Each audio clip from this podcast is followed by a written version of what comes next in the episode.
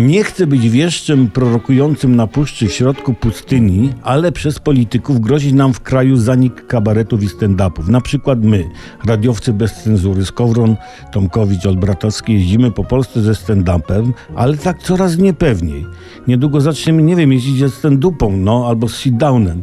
To, tak, to, to samo taki Kałamaga, albo Ewcia Błachnio, czy inni. Politycy takie rzeczy wygadują, że kabaret czy stand-up ma straszliwie pod górkę.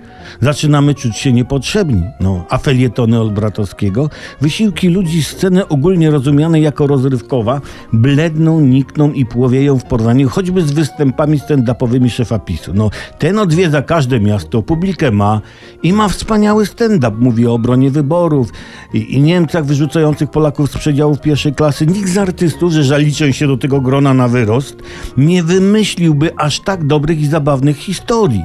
Człowiek stara się w mediach społecznościowych zdobywać wyświetlenia i lajki, a taki Sikorski Radosław napisze trzy słowa thank you USA i od razu cały świat o tym mówi i wszyscy się z tego śmieją.